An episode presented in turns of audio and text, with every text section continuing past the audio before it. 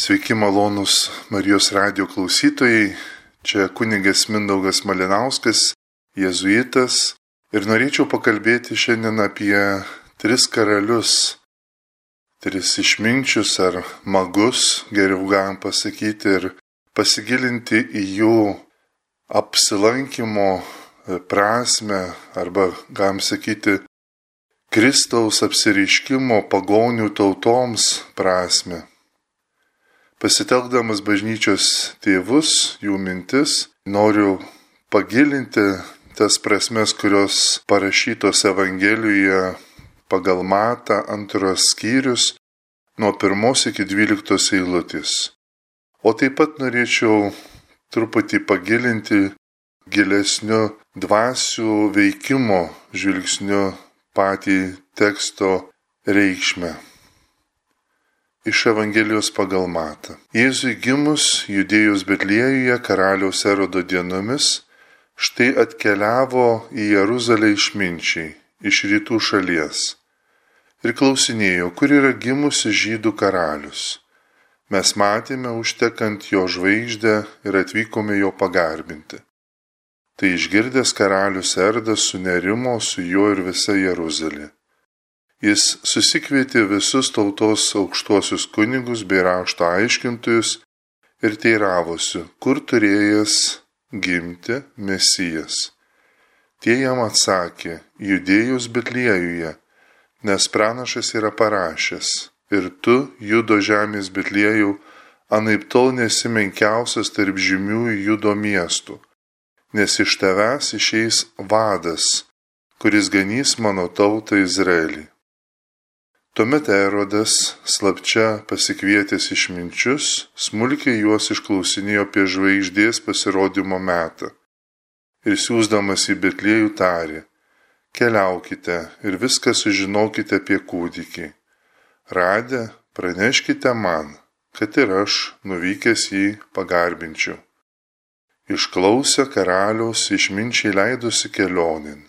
Ir štai žvaigždė kurią jie buvo matę užtekant, traukė pirma, kol sustojo ties ta vieta, kur buvo kūdikis. Išvykę žvaigždę jie be galo džiaugiasi. Įžengė į namus, pamatė kūdikį su motina Marija ir parpuolę ant žemės jį pagarbino. Paskui jie atidengė savo brangenybių dėžutes ir davė jam dovanų - aukso, smilkalų ir mirus. Sapne įspėti nebegrįžti pas Erodą, kitų kelių pasuko į savo kraštą. Taigi girdėjome Evangelijos ištrauką, kaip trys karaliai, magai lanko Kristų ir tampa perkeisti jo malonės, dieviškos galios. Tad pažvelkime į kiekvieną eilutę atskirai. Jėzui gimus judėjus Betliejuje karaliaus erodo dienomis, štai atkeliavo į Jeruzalę išminčiai iš rytų šalies. Kas buvo šie išminčiai, geriau tariant, magai, burtininkai, ogi pagonių pirmieji vaisiai. Jei piemenys buvo izraelitai, tai magai pagonys. Šie atvyko iš arti piemenys, o anie magai iš toli. Tačiau abu atsidūrė prie vieno kertinio akmens. Šis akmuo viešpats piemenims taip prisiglausti, užuovėje, apsauga, pagalba, orumas, vertė, nes būdami menkos prigimties, atstumtieji, jie rado tą uolą, tą priebėgą mūsų viešpatį. Magams gišis akmuo yra tarsi vadinamo alcheminio akmens atitikmuo, prie kurio viskas pasikeičia, nes turi savyje tą begalinę jėgą, tiki ta jėga trokšta tos galios, kuri viską perkeičia, atgyvina, valdo. tiesiog įgauna žmogus didžiųjų galių. Neteisuoliams atėjo viešpats, todėl ir vadinti karaliais ar išminčiais turbūt irgi nelabai dėrėtų. Jėzus nebuvo preikštas nei teisuoliams, nei mokytiems, nei pasaulio galingiesiems ir išmintingiesiems. Piemenys yra neišmanėliai dėl savo menkos, kaimiškus, ganytojiškos kilmės. Magai, burtininkai stokoja teisingo pamaldumo ir savo paieškomis daro įvairiausias šventvagystės Dievo atžvilgių. Abu juos kertinis akmuo patraukia prie savęs, nes jis atėjo išsirinkti paprastųjų, kvailųjų, kad sugėdintų išmintingusius, kad pašauktų nusidėlius, o neteisiuosius. Nuo šiol Jėzuje nei vienas didis žmogus neturėtų savęs aukštinti nei vienas silpnas žmogus neturėtų pulti į neviltį. Žinokite, kad yra įvairių nuomonių apie šiuos karalius magus. Galbūt jie chaldėjai buvo. Kai kurie sako, kad jie buvo chaldėjai, nes chaldėjai garbino žvaigždę kaip dievą. Sakoma, kad jų vadinamas dievas parodė jiems, jog gimsta tikrasis dievas. Galbūt jie buvo persai, kiti sako. Kai kurie sako, jie atvyko iš tolimiausių žemės pakraščių. Dar kiti sako, kad jie buvo Balamo vaikaičiai. Ir tai yra labiausiai tikėtina versija, juk Balamas be kita ko pranašavo, iš Jokūbo iškils žvaigždė. Kai magai žinojo tą pranašystę, pamatė naują žvaigždę, jie greit suprato, kad gimė ir atėjo karalius. Dabar. Čia labai svarbi užuomina iš skaičių knygos 22-24 skyrių, kai Balakas, Dievo tautos priešas, norėjo pasamdyti magą Balamą ir su jo maginėmis kokiom kitom galiom prieinamom iki nuostabiausių dieviškų galių pažinimo gautų prakeikimą Dievo tautai. O gauna visai ką kitą - Dievo paraginimą verčiau laiminti Dievo tautą, o ne prakeikti. Nes ta tauta yra Dievo pamilta, Dievo mylima ir vedama, išsirinkta. Ir taip esti su visais, kurie tikro Dievo keliais eina, kad jokia magija nepakenktų jiems. Žinoma, kyla klausimas, jei jie buvo chaldėjai ir persai ar atvyko iš žemės pakraščių, kaip jie galėjo per tokį trumpą laiką pasiekti Jeruzalę. Ogi dieviškas kūdikis traukia tuos magus. Kai kurie mokytojai sako, kad tuo metu gimęs kūdikis per trumpą laiką galėjo pritraukti juos prie savęs iš visų žemės pakraščių. Jei Jėzus mirdamas pasakė, kad pakildamas, o tai yra būdamas ant kryžiaus ar po prisikėlimo įžengdamas į dangų, visus patrauks prie savęs tai dabar šis traukimas vyksta mažuosiuose, atstuntuosiuose, neišmintinguose, bet giliai trokštančiuose rasti tą vienintelį. Gali būti, kad jie buvo ruošiami iš anksto ir iškeliavo likus dviems metams iki Kristaus gimimo, žvaigždė juos aplankė asmeniškai paslaptingų būdų, kad jiems netrūktų nei maisto, nei gėrimų, nei jėgų, nei laiko. Nuostabiai kreipiamas žmogaus gyvenimas giliam susitikimui su Dievu. Galiausiai, jei tie karaliai, magai buvo balamų įpėdiniai, tai jie buvo ne taip toli nuo pažadėtosios žemės ir per trumpą laiką galėjo pasiekti Jeruzalę. Antra eilutė iš ir klausinėjo jie, kur yra gimusi žydų karalius. Mes matėme užtekant jo žvaigždę ir atvykome jo pagarbinti. Jie ieškojo, todėl kad skelbia tai, ko trokšta ir prašo pagalbos. Taigi jie tiki ir todėl ieško. Jie reiškia tuos, kurie vaikšto tikėjimu ir trokšta matyti, nors ir apgraibomis, tarsi migloje, tarsi tamsoje. Astrologija tikintys teigia, jog kiekvienas žmogus gimsta pagal žvaigždžių žvaigždyną, įsidėstymą, tam tikrą tvarką, todėl ir likimas jų pagal tai sprendžiamas. Šie klaidingi mokytojai naujos žvaigždės pasirodymą per viešpaties gimimą kūne laiko savo klaidos patvirtinančiu argumentu. Jie tiki, kad jo likimas sutampa su pasirodžiušia žvaigždė. Tačiau tai svetima tikintiesiems tarsi žvaigždės lemtų likimą. Jei mūsų paprastų žmonių gimimas nepavaldu žvaigždžių burtams, nes mūsų laisva valia apsaugota nuo bet kokio priverstinio suvaržymo, tai juo labiau netikime, kad laikinas gimimas to, kuris yra amžinas kuriejas ir visatos viešpats, priklauso nuo žvaigždžių. Žvaigždė, kurią matė išminčiai, neturėjo lemiamos įtakos kūne gimusiam Kristui bet tarnavo jam, liūdydama apie jį.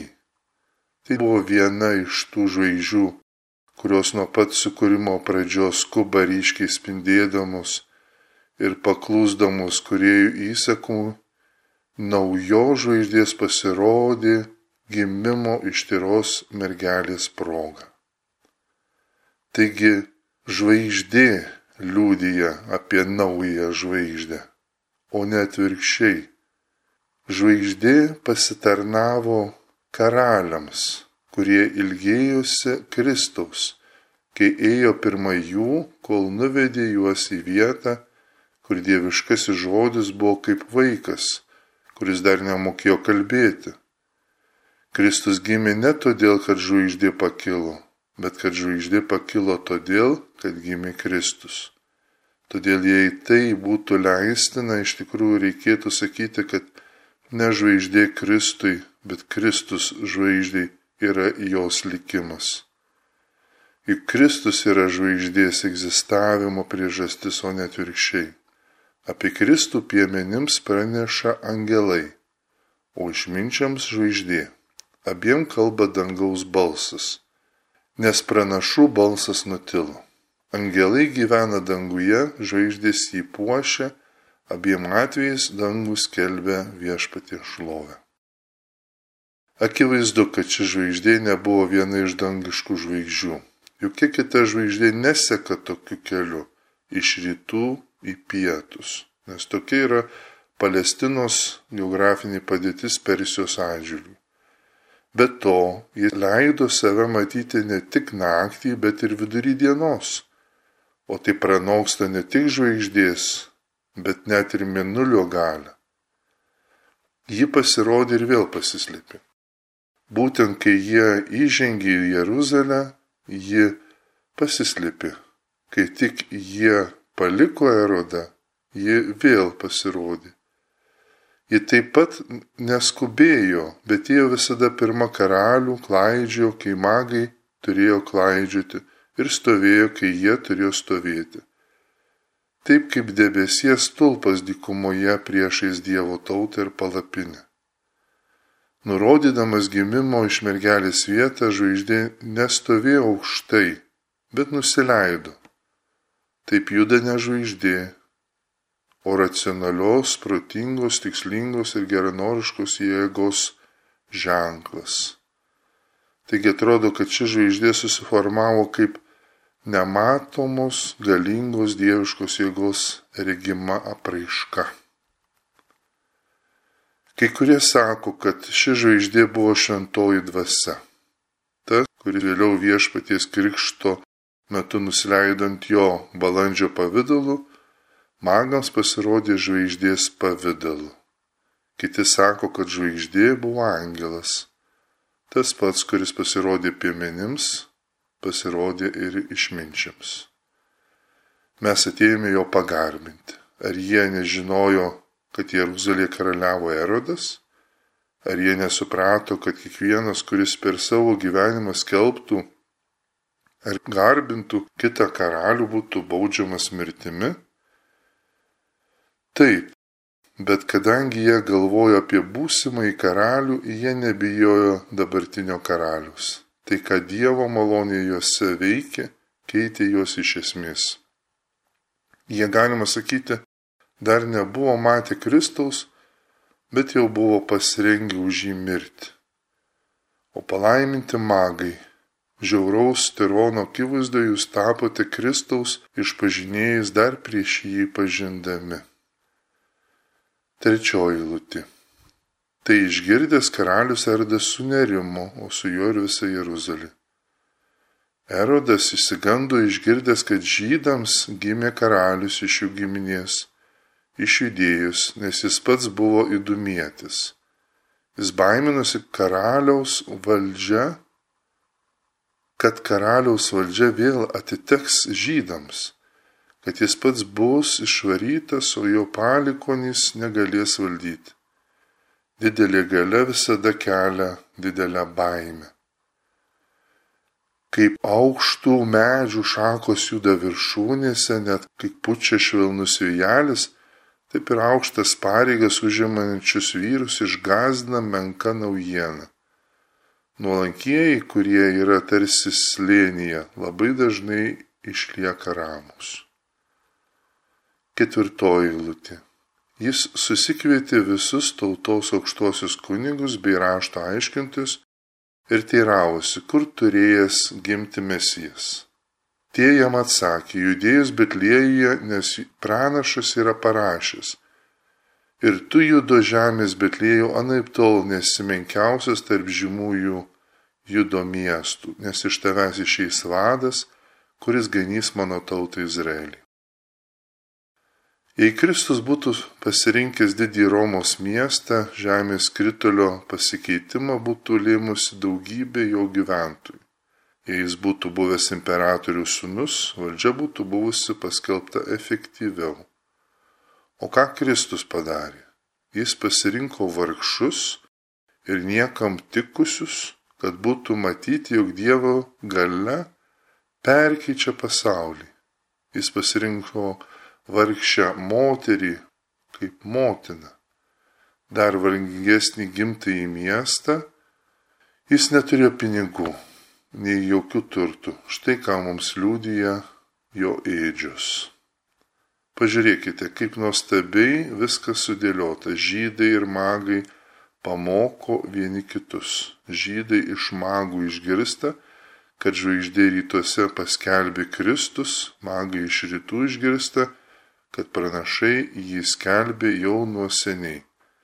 Dvigubo liūdimo sustiprinti jie turėtų su dar karštesniu tikėjimu ieškoti to, kurį žvaigždės aiškumas ir pranašystės autoritetas atskleidė. Septintoji lūtė. Tuomet Erodas slapčia pasikvietęs išminčius, smulkiai juos išklausinėjo apie žvaigždės pasirodymo metą. Ir siūsdamas į Betlėjų tarė, keliaukite, viską sužinokite apie kūdikį radę praneškite man, kad ir aš nuvykęs jį pagarbinčiau. Išklausę karaliaus išminčiai leidosi kelionė. Magai išgirdo erodą, kad ieškotų viešpaties, o negrįžtų pas erodą. Jie įkūnė geruosius klausytojus, kurie daro gerą, ką girdi iš blogų pamokslininkų, bet nemėgdžioja jų darbų, kaip ragina Kristus. Todėl visą, ką jie liepia, darykite ir laikykitės, tačiau neselkite kaip elgesi, nes jie kalba, bet nedaro. Žvaigždė, kurią jie matė kylant, nuėjo pirma jų į tą vietą, kur buvo kūdikis ir ten sustojo. Ši žvaigždė yra kelias, o kelias yra Kristus. Pagal įsikūnymo slėpinį Kristus yra žvaigždė. Jis yra spindinti žvaigždė ryto žvaigždė. Taigi ten, kur erodas žvaigždė nematoma, o ten, kur Kristus yra matoma ir rodoma kelias. Ir štai žvaigždė, kurią jie buvo matę, užtekant traukė pirmą, kol sustojo ties ta vieta, kur buvo kūdikis. Išvykę žvaigždę jie be galo džiaugiasi. Įžengė į namus, pamatė kūdikį su motina Marija. Jei jie būtų ieškoję žemiškojo karalius, jie būtų buvę veikiau sutrikę, o ne džiaugiasi. Jiems galėjo atrodyti, kad į šią sunkę kelionę jie leidosi be jokio tikslo. Bet kadangi jie ieškojo dangiškojo karalius, jiems užteko vien žvaigždės liūdimo, nematydami jokio kito karaliavimo ženklo ir jų akis su malonumu žvelgia į kūdikį kurio galėjo ir nepaisyti, juk dvasia parodė jiems ją jų širdise kaip nuostabę ir jie puolė ir ją pagarbino. Taigi jie mato žmogų ir atpažįsta Dievą. Ir parpuoliant žemės jį pagarbino, paskui jie atidengė savo brangenybių dėžutes ir davė jam dovanų auksus, milkalų ir mirus. Jų dovanos tikrai atitinka tautą, iš kurios jie kilę, nes arabai turi daug auksų, smilkalų ir įvairių prieskų. Be to, šios dovanos turėjo reikšti paslėptą prasme. Auksas priklauso karaliui, smilkalai aukojami Dievui. Mira naudojama mirusio kūnui patepti, taigi žmogui. Tačiau čia galima išvelgti ir kai ką kitą. Auksas vartojamas išminčiai reikšti kai liūdija Saliamonas, išmintingųjų lūpose glūdi trokštamas lobis. Dievui uždengti smilkalai išreiškia maldos galę, kai smilkalai mano malda kyla prieš tavo veidą. Mira simbolizuoja kūno numarinimą.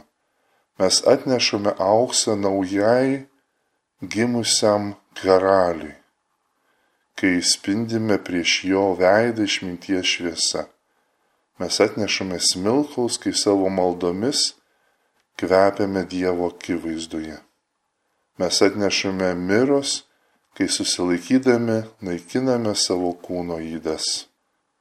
Dvyliktoji eilutė. Sapnė įspėti nebegrįžti pas erodą, kitų kelių pasuko į savo kraštą. Jei išminčiai būtų ieškoję Kristaus kaip žemiško karalius, jie būtų pasilikę su juo, kai jį surado. Tačiau jie pagarbino jį ir grįžo. Tačiau sugrįžę jie atkakliau nei anksčiau garbino Dievą, skelbė ir taip daugelį mokė. Kai šventasis Tomas apaštas pagaliau atvyko į tą provinciją, jie prisijungė prie jo, jie buvo pakrikštyti ir veikė pagal jo mokslą.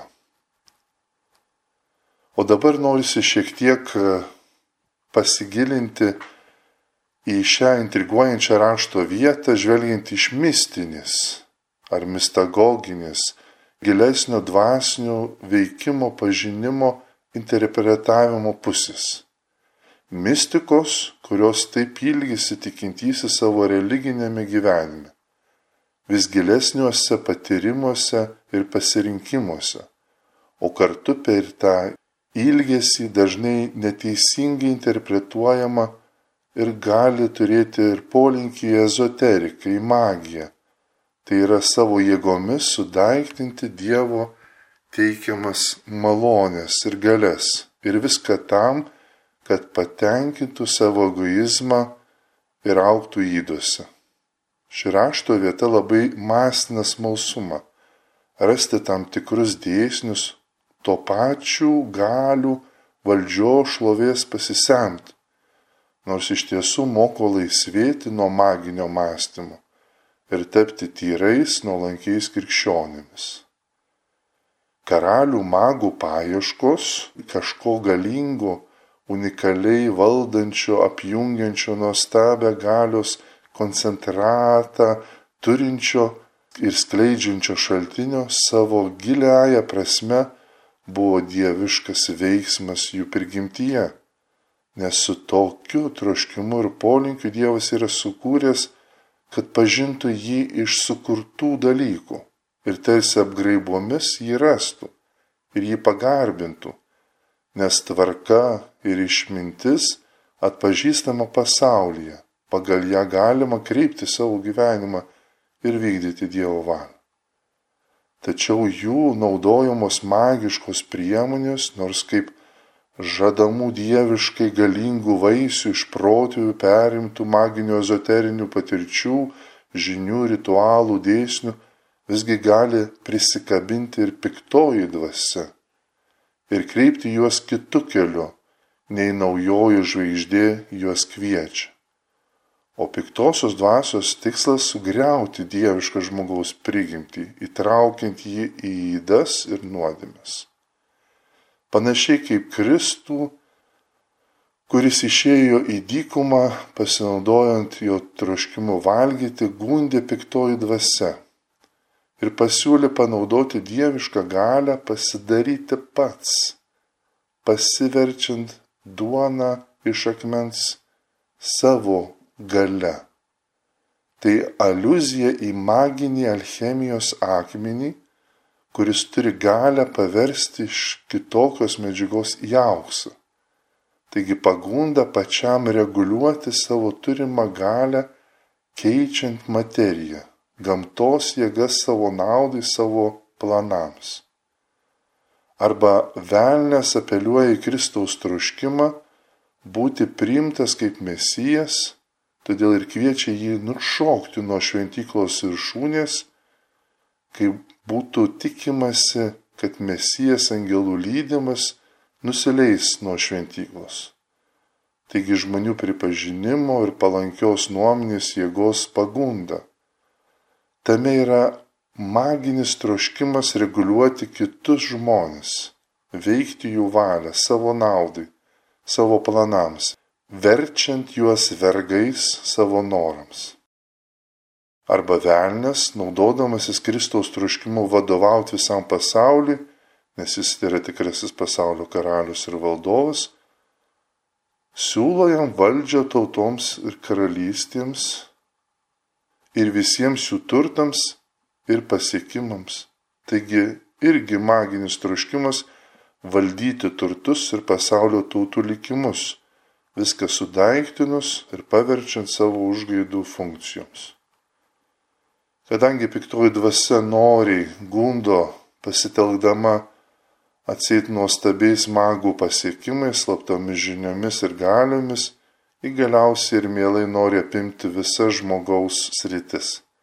Jo pažinimą, ieškant ir skaitant ženklus, piršti savo mintį ir kryptį ir laikysime žmoguje, paverčiant jį patį mediumu, per kurį piktoji dvasia kalba ir užgožia patį žmogų.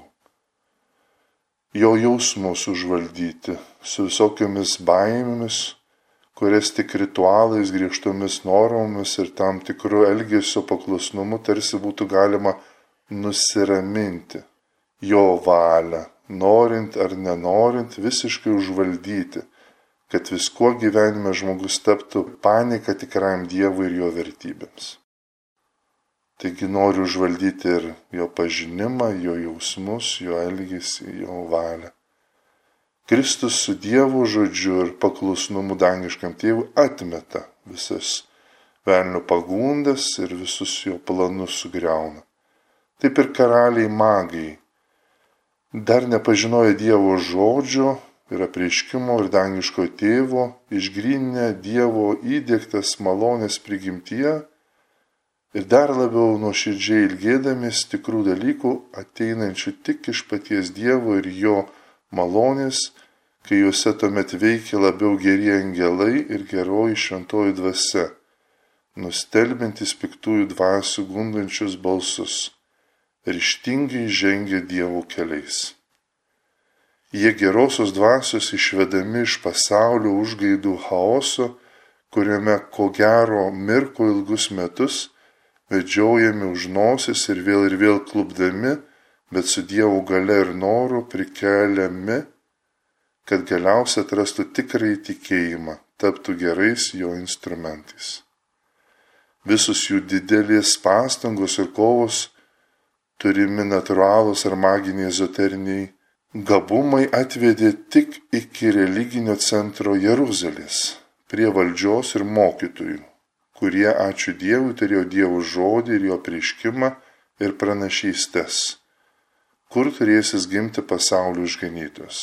Ir čia didelio natūralaus troškimo ir dar didesnio šventosios dvasios ir gerųjų dvasių veikimo dėka net išgazdino Erodą ir visą Jeruzalę, tarsi pažadina iš apsipratimo laukti mesijo Dievo tautą. Dėl to karaliai magai nebuvo nužudyti, bet tik suklasta išsiusti toliau ieškoti karaliaus mesijo. Tik dabar Dievo žodžio dėka jie jau ėjo naujų kelių, patiriant mistinės malonės, nes Dievo dvasia buvo aiškiai matoma kaip žvaigždė ir jie buvo iš esmės keičiami šio susitikimo su Dievu metu. Tas didelis džiaugsmas ir buvo viso šio nuostabaus pasikeitimo ženklas. Ir buvo taip perkeisti, kad jau nebe savo naudos iš amžinaus galių šaltinio semtis prisertino prie Jėzaus, naujo karaliaus mesijo, bet susivienyti su Dievu tapusiu kūdikiu, vienu iš šio pasaulio mažiausiųjų, o kartu visako valdovu jie atidavė viską - ir auksą, ir smilkalus, ir mirą, nieko nesitikėdami savo atgal iš tikrųjų tapo gerais Dievo valios instrumentais, susitikdami jį ėdžiose su Marija ir Juozapu, kad jau Dievo valia suprato ne iš savo pagoniškų magiškų ženklų, bet iš Dievo per sapną, kaip kad Juozapas buvo panašiai vedamas vykdyti Dievo valią. Tokio nuostabaus pasikeitimo reikia ir mums, kurie esame ne judėjai, žydų tautos atstovai, bet kilę iš pagonių ir jų pagoniško maginio ezoterinio pasaulio, kurį savyje turime leisti perkeisti kūdikyje įsikūnusio Dievo. Su šventųjų karalių magų užtarimu gautų iš jų atsivertimo ir perkeitimu, artinantis prie tos nuostabaus paslapties dieviško kūdikio, Dievo įsikūnusio žmoguje. Dėkoju kad klausėtės ir dalyvavote šitoje paslaptyje trijų karalių magų paieškose dieviškojo įsikūnysio kūdikio. Prie mikrofono buvo kunigas Jėzuitas Mindaugas Malinauskas.